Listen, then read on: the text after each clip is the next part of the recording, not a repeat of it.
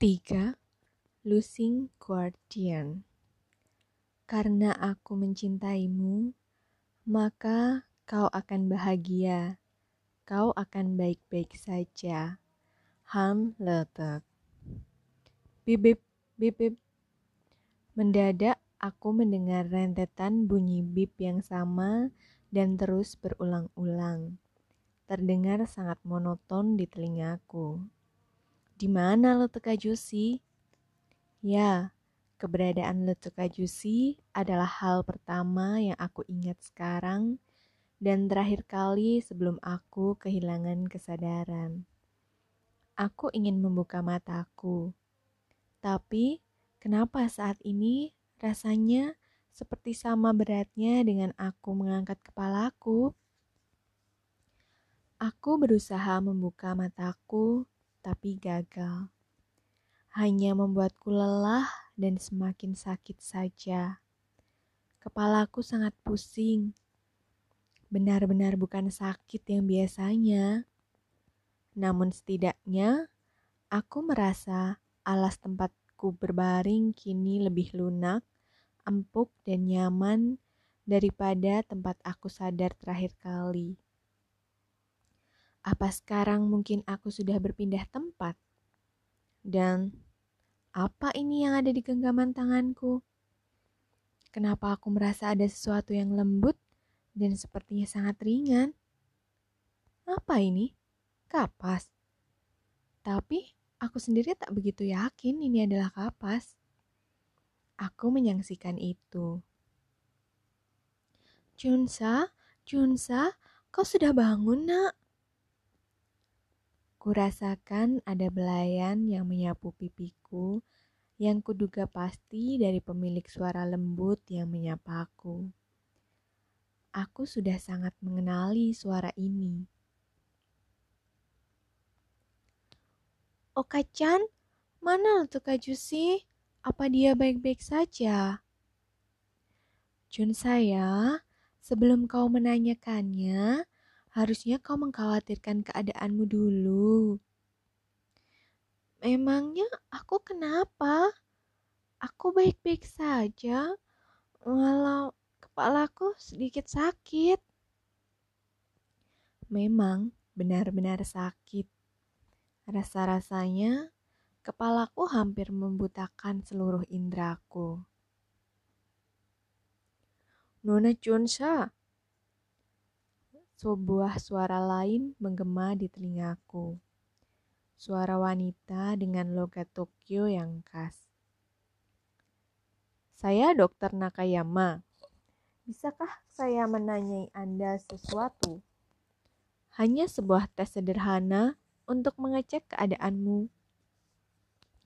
Pelan-pelan, jauh lebih lambat dari biasanya, otakku yang terasa setengah lumpuh mulai menerjemahkan kalimat bahasa Jepang yang dokter itu utarakan. Aku lalu mengangguk dua kali, tanda memahami. Kau bisa mengerti kalau pertanyaan itu menyakitimu, jangan dipaksakan, Nek. Ibu menggenggam tanganku erat-erat. Ingin sekali aku memeluknya saat ini.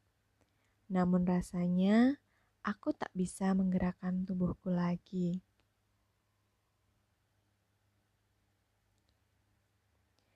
Baiklah, kau siap, Nona Chonsa? Hai, silahkan. Aku mempersilahkan dokter Nakayama untuk menanyaiku. Setelah terdengar suara gurisan pensil yang beradu dengan kertas, Dokter Nakayama mengucapkan pertanyaan pertamanya dengan sambat, sangat lambat. Siapa namamu? Han Chonsa, jawabku. Pertanyaan awal ini begitu mudah. Kau bisa mengingat tahun berapa saat ini? Tanya dokter Nakayama lagi dengan bahasa Jepang sederhana yang masih ku mengerti. Saat ini sudah tahun 2013. Lalu, berapa usiamu sekarang? 17 tahun. Kurasa beberapa hari lagi aku akan berulang tahun yang ke-18. Benarkah? Kapan itu? Tanggal 9 Agustus, jawabku cepat. Dan sekelebat, aku mengingat momen terakhir sewaktu di Korea ketika menyiapkan rencana untuk mengungkapkan perasaanku pada Chris dengan letek ajisi yang tidak terlihat antusias malam itu. Aku merasakan genggaman tangan ibuku kian menguat, namun disertai getaran hebat. Ibu berjanji akan kembali, dan genggaman penuh kekakuan itu perlahan menghilang setelah ku dengar dokter menyuruh ibu keluar mengikutinya. Aku berusaha mengingat wangi parfum Chris dan hangatnya bahu letuk Ajusi. Namun, semua yang bisa kurasakan kini hanyalah detak jantung milikku sendiri.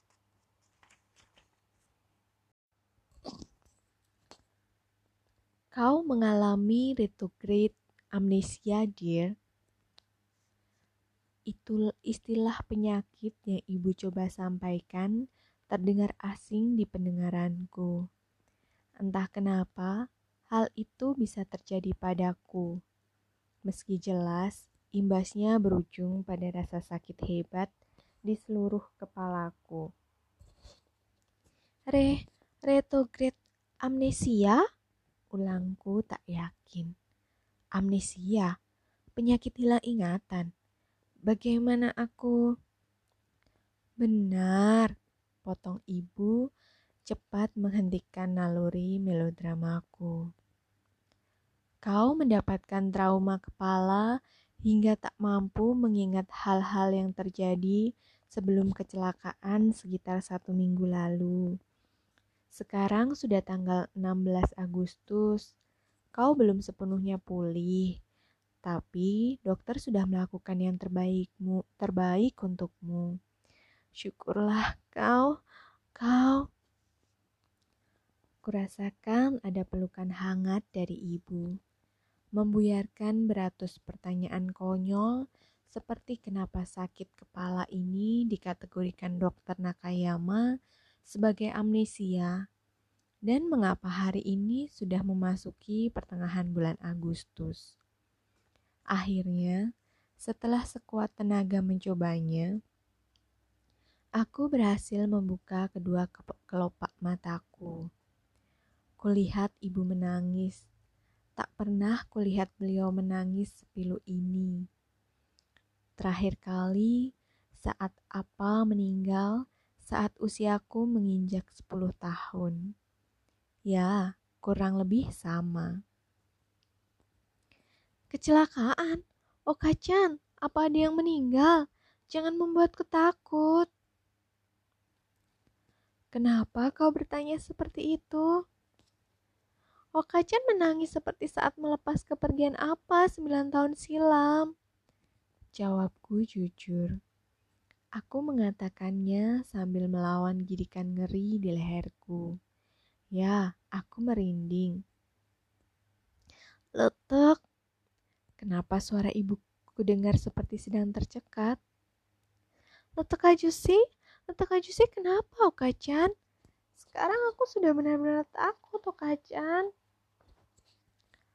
Kulihat ibu menyeka air matanya dan mendudukkanku di depan tumpukan bantal sebagai pengganjal punggungku. Beliau menyeret sebuah kursi dan duduk di samping ranjangku. Sekarang, kesadaranku sudah berada pada puncaknya. Sepertinya aku berada di sebuah ruangan di rumah sakit. Kuraba kasar pelipisku ada perban yang melingkar di dahi. Di tanganku pun terpasang sebuah selang infus yang dialiri cairan bening yang tak ingin ku ketahui sama sekali apa namanya. Toh label yang tertera di botol infusnya juga rentetan huruf kanji yang tak begitu ku mengerti. Kalaupun bisa membacanya, itu akan sangat membutuhkan waktu, mengingat keadaan otakku yang sepertinya sedang ngambek ini. Walau sebenarnya aku tak tahu pasti yang sakit dan terus bergejolak nyeri itu kepalaku atau otakku. Bunyi-bunyian monoton yang masih berkontinu terdengar di ruangan ini ternyata tak lain adalah alat pendeteksi detak jantung. Ya Tuhan, apakah keadaanku benar-benar sebegitu parahnya, seperti yang kulihat saat ini, hingga semua benda-benda medis itu terhubung ke tubuhku?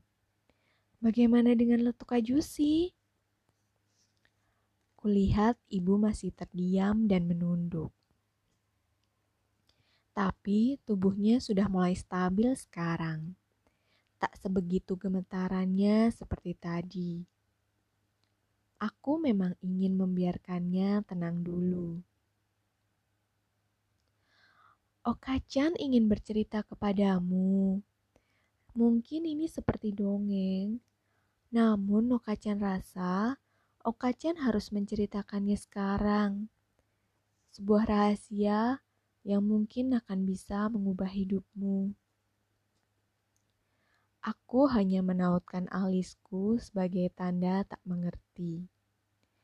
Sebenarnya, aku tak tertarik dengan dongeng, karena pasti akan jadi sangat panjang ceritanya mengingat sebegitu seriusnya ekspresi ibu saat ini. Namun, keberadaan kata rahasia di akhir pengakuan ibu membuatku sedikit banyak berpikir bahwa banyak hal yang sebenarnya telah terjadi. Tapi aku memang benar-benar tak bisa memaksakan diri untuk bisa berpikir dengan jernih saat ini dengan semua keadaanku dan gaya bicara ibu yang seperti sengaja disusun begitu rapi untuk melindungi perasaanku.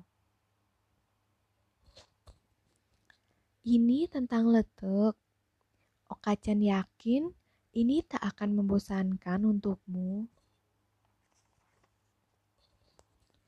Baiklah, sekarang ibu sepertinya ingin memperburuk keadaanku. Ku dengar alat pendeteksi jantungku berbunyi makin cepat.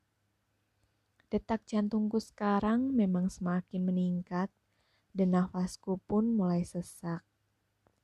Kurasakan ibu mulai meremas dan menggenggam tanganku lagi. Baiklah, aku pun menghela nafas sambil berusaha menenangkan diriku. Aku siap mendengarkan Siap tak siap, aku memang harus mendengarnya, bukan? Karena ini tentang letek Jusi. Letek Jusi, kau di mana? Aku sangat takut sekarang. Jonsa masih terdiam, menunggu ibunya memulai cerita besar yang disebutnya sebagai rahasia. Sudah dua menit lewat, tapi sepertinya Nyonya Minako, ibu Chonsa yang memang berdarah Jepang, belum punya cukup kekuatan untuk membuka pengakuannya. Oh kacan, mana letuk kaju sih? Chonsa mulai merengek lagi. Sebaiknya dia saja menjagaku sekarang. Okacan terlihat lelah. Lihatlah lingkaran hitam yang sangat besar di bawah matamu itu. Sebenarnya sudah berapa lama aku tidur? Dua hari. Tak ada keraguan atau nada palsu dalam jawaban Ibu Chonsa. Kau pingsan selama dua hari. Benarkah? Chonsa mengerucutkan bibirnya, tampak kesal. Dan letak Ajusi membiarkan Okacan menjagaku sendirian. Jahatnya. Ini bukan keinginannya. Mulai sekarang, Okacan yang akan menjagamu. Air mata Ibu Chonsa mulai mengalir lagi. Kali ini terlihat lebih deras dari sebelumnya.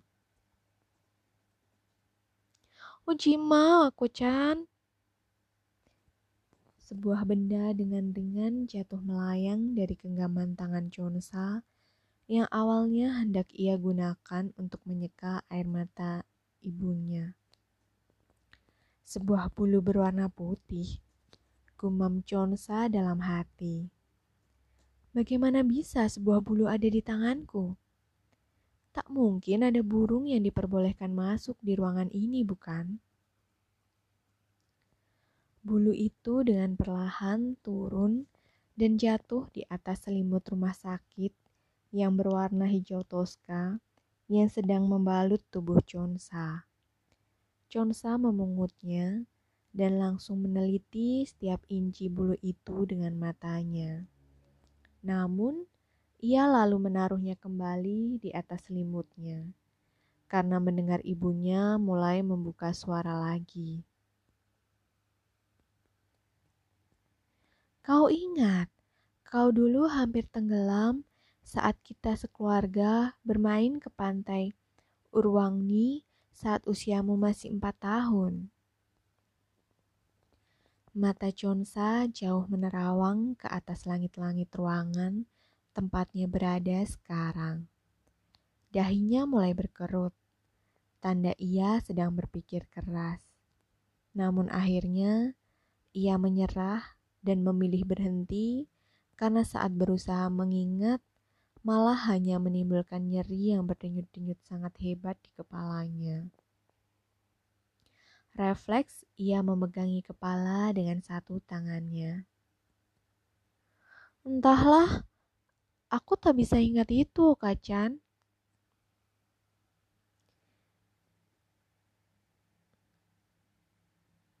Nih, Arasu, Mian Chunsa, sekarang sebaiknya kau istirahat dulu.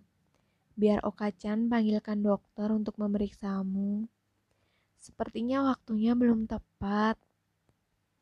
Tawar Ibu Chonsa penuh kasih. Namun saat wanita paruh baya itu hendak berdiri, tangannya kembali ditarik Chonsa. Seolah memberi kode bahwa ia harusnya tetap tinggal bersama putrinya itu. Kencana, lanjutkan lagi ceritanya. Coba.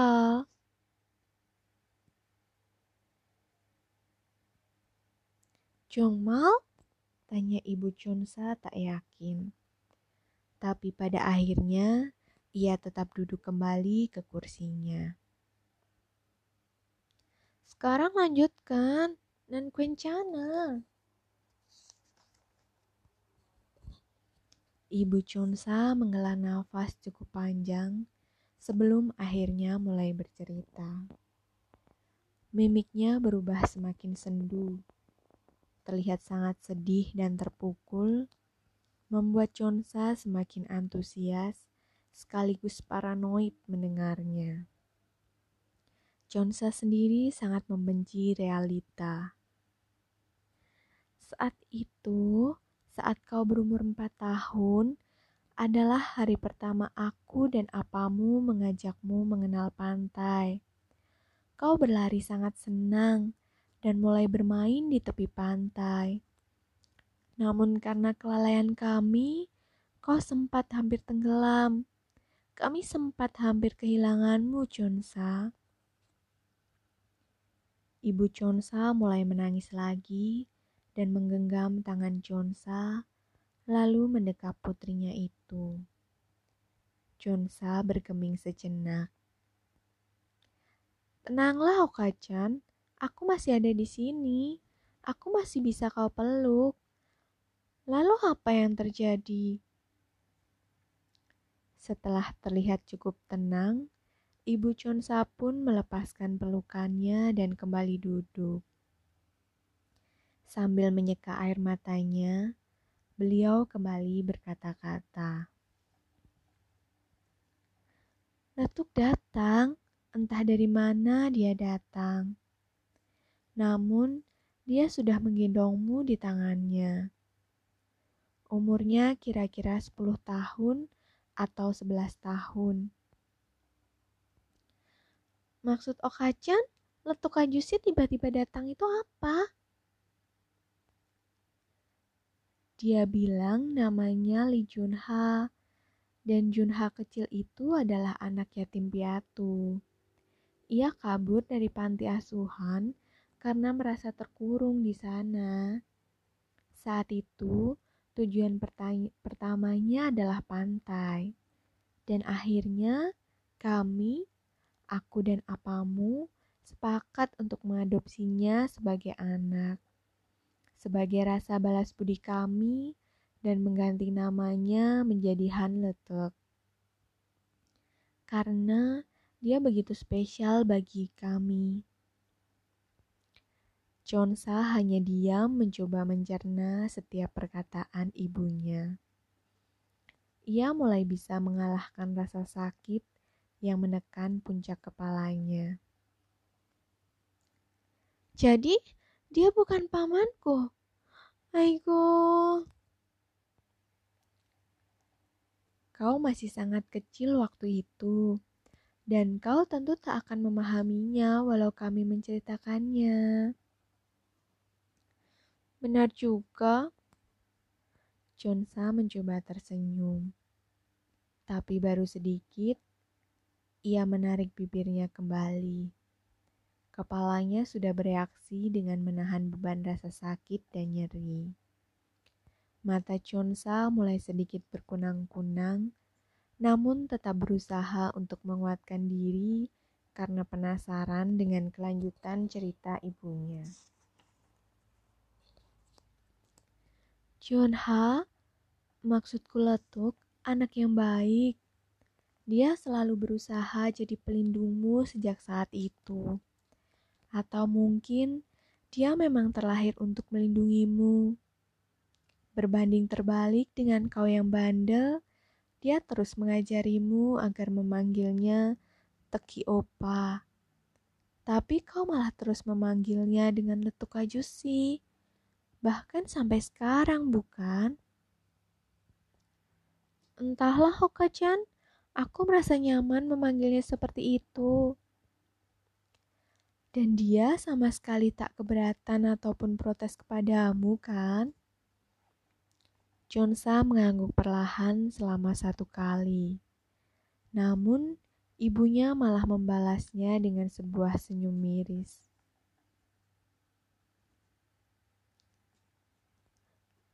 Tapi Okacan tidak suka. Okacan tidak nyaman karena dia menganggapmu sebagai seorang yuja bukan adik atau keponakannya sekalipun. Oh, dia entah kenapa suatu hari dia pernah tak pulang seharian penuh, dan di saat hari mulai petang, dia memberikan okacan ini. Okacan selalu menyimpannya di dompet, dan dia menyuruhku untuk memberikannya saat kau sudah dewasa. Ibu Chonsa lalu mengeluarkan sebuah cincin dari dompetnya. Ini untukmu. Darinya saat berusia 12 tahun, tepat sehari setelah kau kecelakaan, dan dia menyelamatkanmu sekali lagi untuk kali kedua. Kecelakaan lagi? Lalu cincin ini apa maksudnya? Bukan kalau Tokajusi juga memakai cincin ini? Cincin yang sama persis, Sokacan. Chonsa lalu mencoba cincin yang diberikan oleh ibunya ke dalam jari manisnya. Ukuran cincin berwarna keperakan itu begitu pas melingkar di jarinya yang kurus kecil. Sewaktu kau berusia lima tahun, saat bermain bola di halaman depan rumah, temanmu tak sengaja melemparnya keluar pagar. Lalu kau mencoba mengambilnya dan melintasi jalan. Saat itu kau bisa saja tertabrak dan terluka parah karena ada sebuah truk besar yang lewat. Tapi letuk malah membuat dirinya sebagai tamengmu. Dia malah yang terluka karena tangannya tergesek aspal, menimbulkan luka gores yang cukup panjang. Sekali lagi, dia menyelamatkan nyawamu, dan cincin itu dia buat sehari setelahnya. Dibuat? Dia membuatnya sendiri. Nih, dia tak pulang seharian di hari berikutnya. Saat pulang, dia bilang baru saja pergi ke kelas pembuatan perak pada seorang kakek kenalannya. Dan dia membuatkan cincin ini sepasang, yang jika digabungkan akan menjadi sepasang sayap malaikat untukmu dan untuknya. Dia bilang, ini pelindungmu selagi dia belum dewasa. Saat kau sudah cukup dewasa, dia akan menggantikan cincin itu menjagamu selamanya. Dia ingin menikahimu. Bahkan di umurnya yang masih 12 tahun, dia berani minta izin kepadaku. Anak ingusan itu. Ibu Chonsa mulai terisak lagi.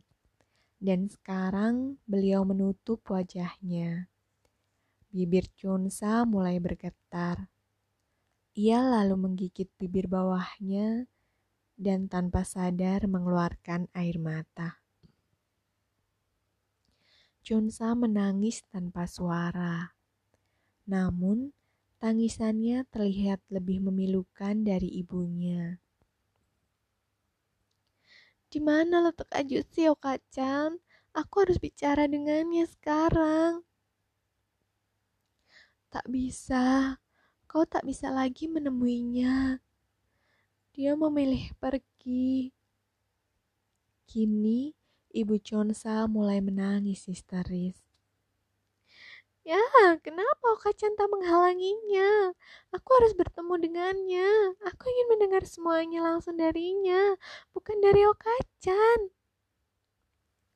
Dia sudah tidak ada. Apa maksud Okacan? Letuk sudah meninggal satu minggu lalu. Kau, Chris, dan Letuk mengalami kecelakaan di lembah gunung Nishiyama sewaktu melakukan perjalanan di Kyoto. Hanya kau yang sudah sadar dan malah sempat kebawa ke rumah. Chris bahkan masih kritis, Jonsa. Dia belum bangun sampai sekarang. Mah, meninggal? Oh, jangan membohongiku. Ini tidak lucu, Okai-chan. Aku mau menemuinya. Chonsa mulai frustasi dan menarik rambutnya. Sekarang ia sudah menangis sesenggukan. Wajahnya sudah penuh dengan air mata. Selang oksigen di hidungnya dan berbagai alat penopang hidup lainnya yang sedang terpasang di tubuhnya lah yang akhirnya memaksa Chonsa tetap bertahan di ranjangnya.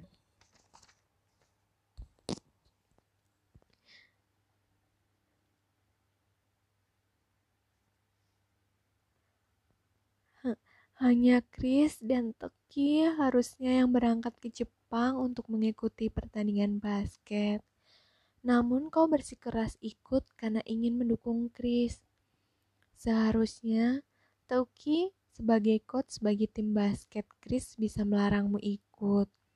Tapi dia selalu tak punya kekuatan untuk menolak semua keinginanmu.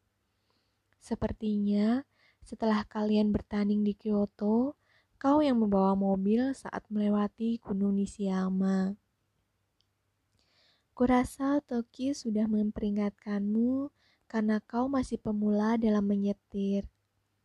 Sepertinya sedang ada balap liar di Nishiyama kala itu, dan pengemudinya lalai hingga menabrak mobil kalian sampai masuk ke jurang. Begitulah investigasi dari kepolisian Kyoto. Oh, kajian jangan mengada-ada. Tolonglah, jangan halangi aku bertemu dengan Letuka Joshi. Dua hari lalu aku masih berjalan-jalan dengannya. Aku ingat Terakhir kali aku ingat saat di lapangan basket, aku dan letuk aja sih. Okacan tak pernah menghalangi kalian berdua. Potong Ibu Chonsa dengan cepat. Kau sendiri yang mengada-ada. Saat Okacan melihat kau keluar rumah dua hari lalu, kau hanya pergi sendirian, Chun saya. Tidak mungkin, aku pergi dengan Lotuka Jose, Okacan. Okacan berani bersumpah. Okacan tidak sedang berbohong. Apa tangisan dan air mata Okacan terlihat sedang, seperti sedang berbohong bagimu? Andwe. Benar, Chonsa. Ini semua kenyataan. Saat kalian dievakuasi di dasar jurang, Letuk sedang dalam keadaan memelukmu. Tubuhnya mengalami patah tulang 80% karena tergencet bodi mobil. Dia mengalami pendarahan dalam yang hebat untuk melindungimu. Kau ingin melihatnya. Sekarang dia berada di kamar. Ok Achen tak sanggup mengucapkannya. Tiba-tiba, memori detik-detik kecelakaan kembali terulang di ingatan Chonsa. Darah segar menetes dari hidung mungil Chonsa. Dengan sisa-sisa kekuatannya, Chonsa menyeka darah itu. Rasa sakit yang sudah terlalu lama menjalari kepalanya membuat kesadaran Chonsa menjadi semakin berkurang secara perlahan dan pandangannya kembali mengabur. Dan akhirnya semuanya kembali gelap. Mulai sekarang dan seterusnya di kehidupan Chonsa.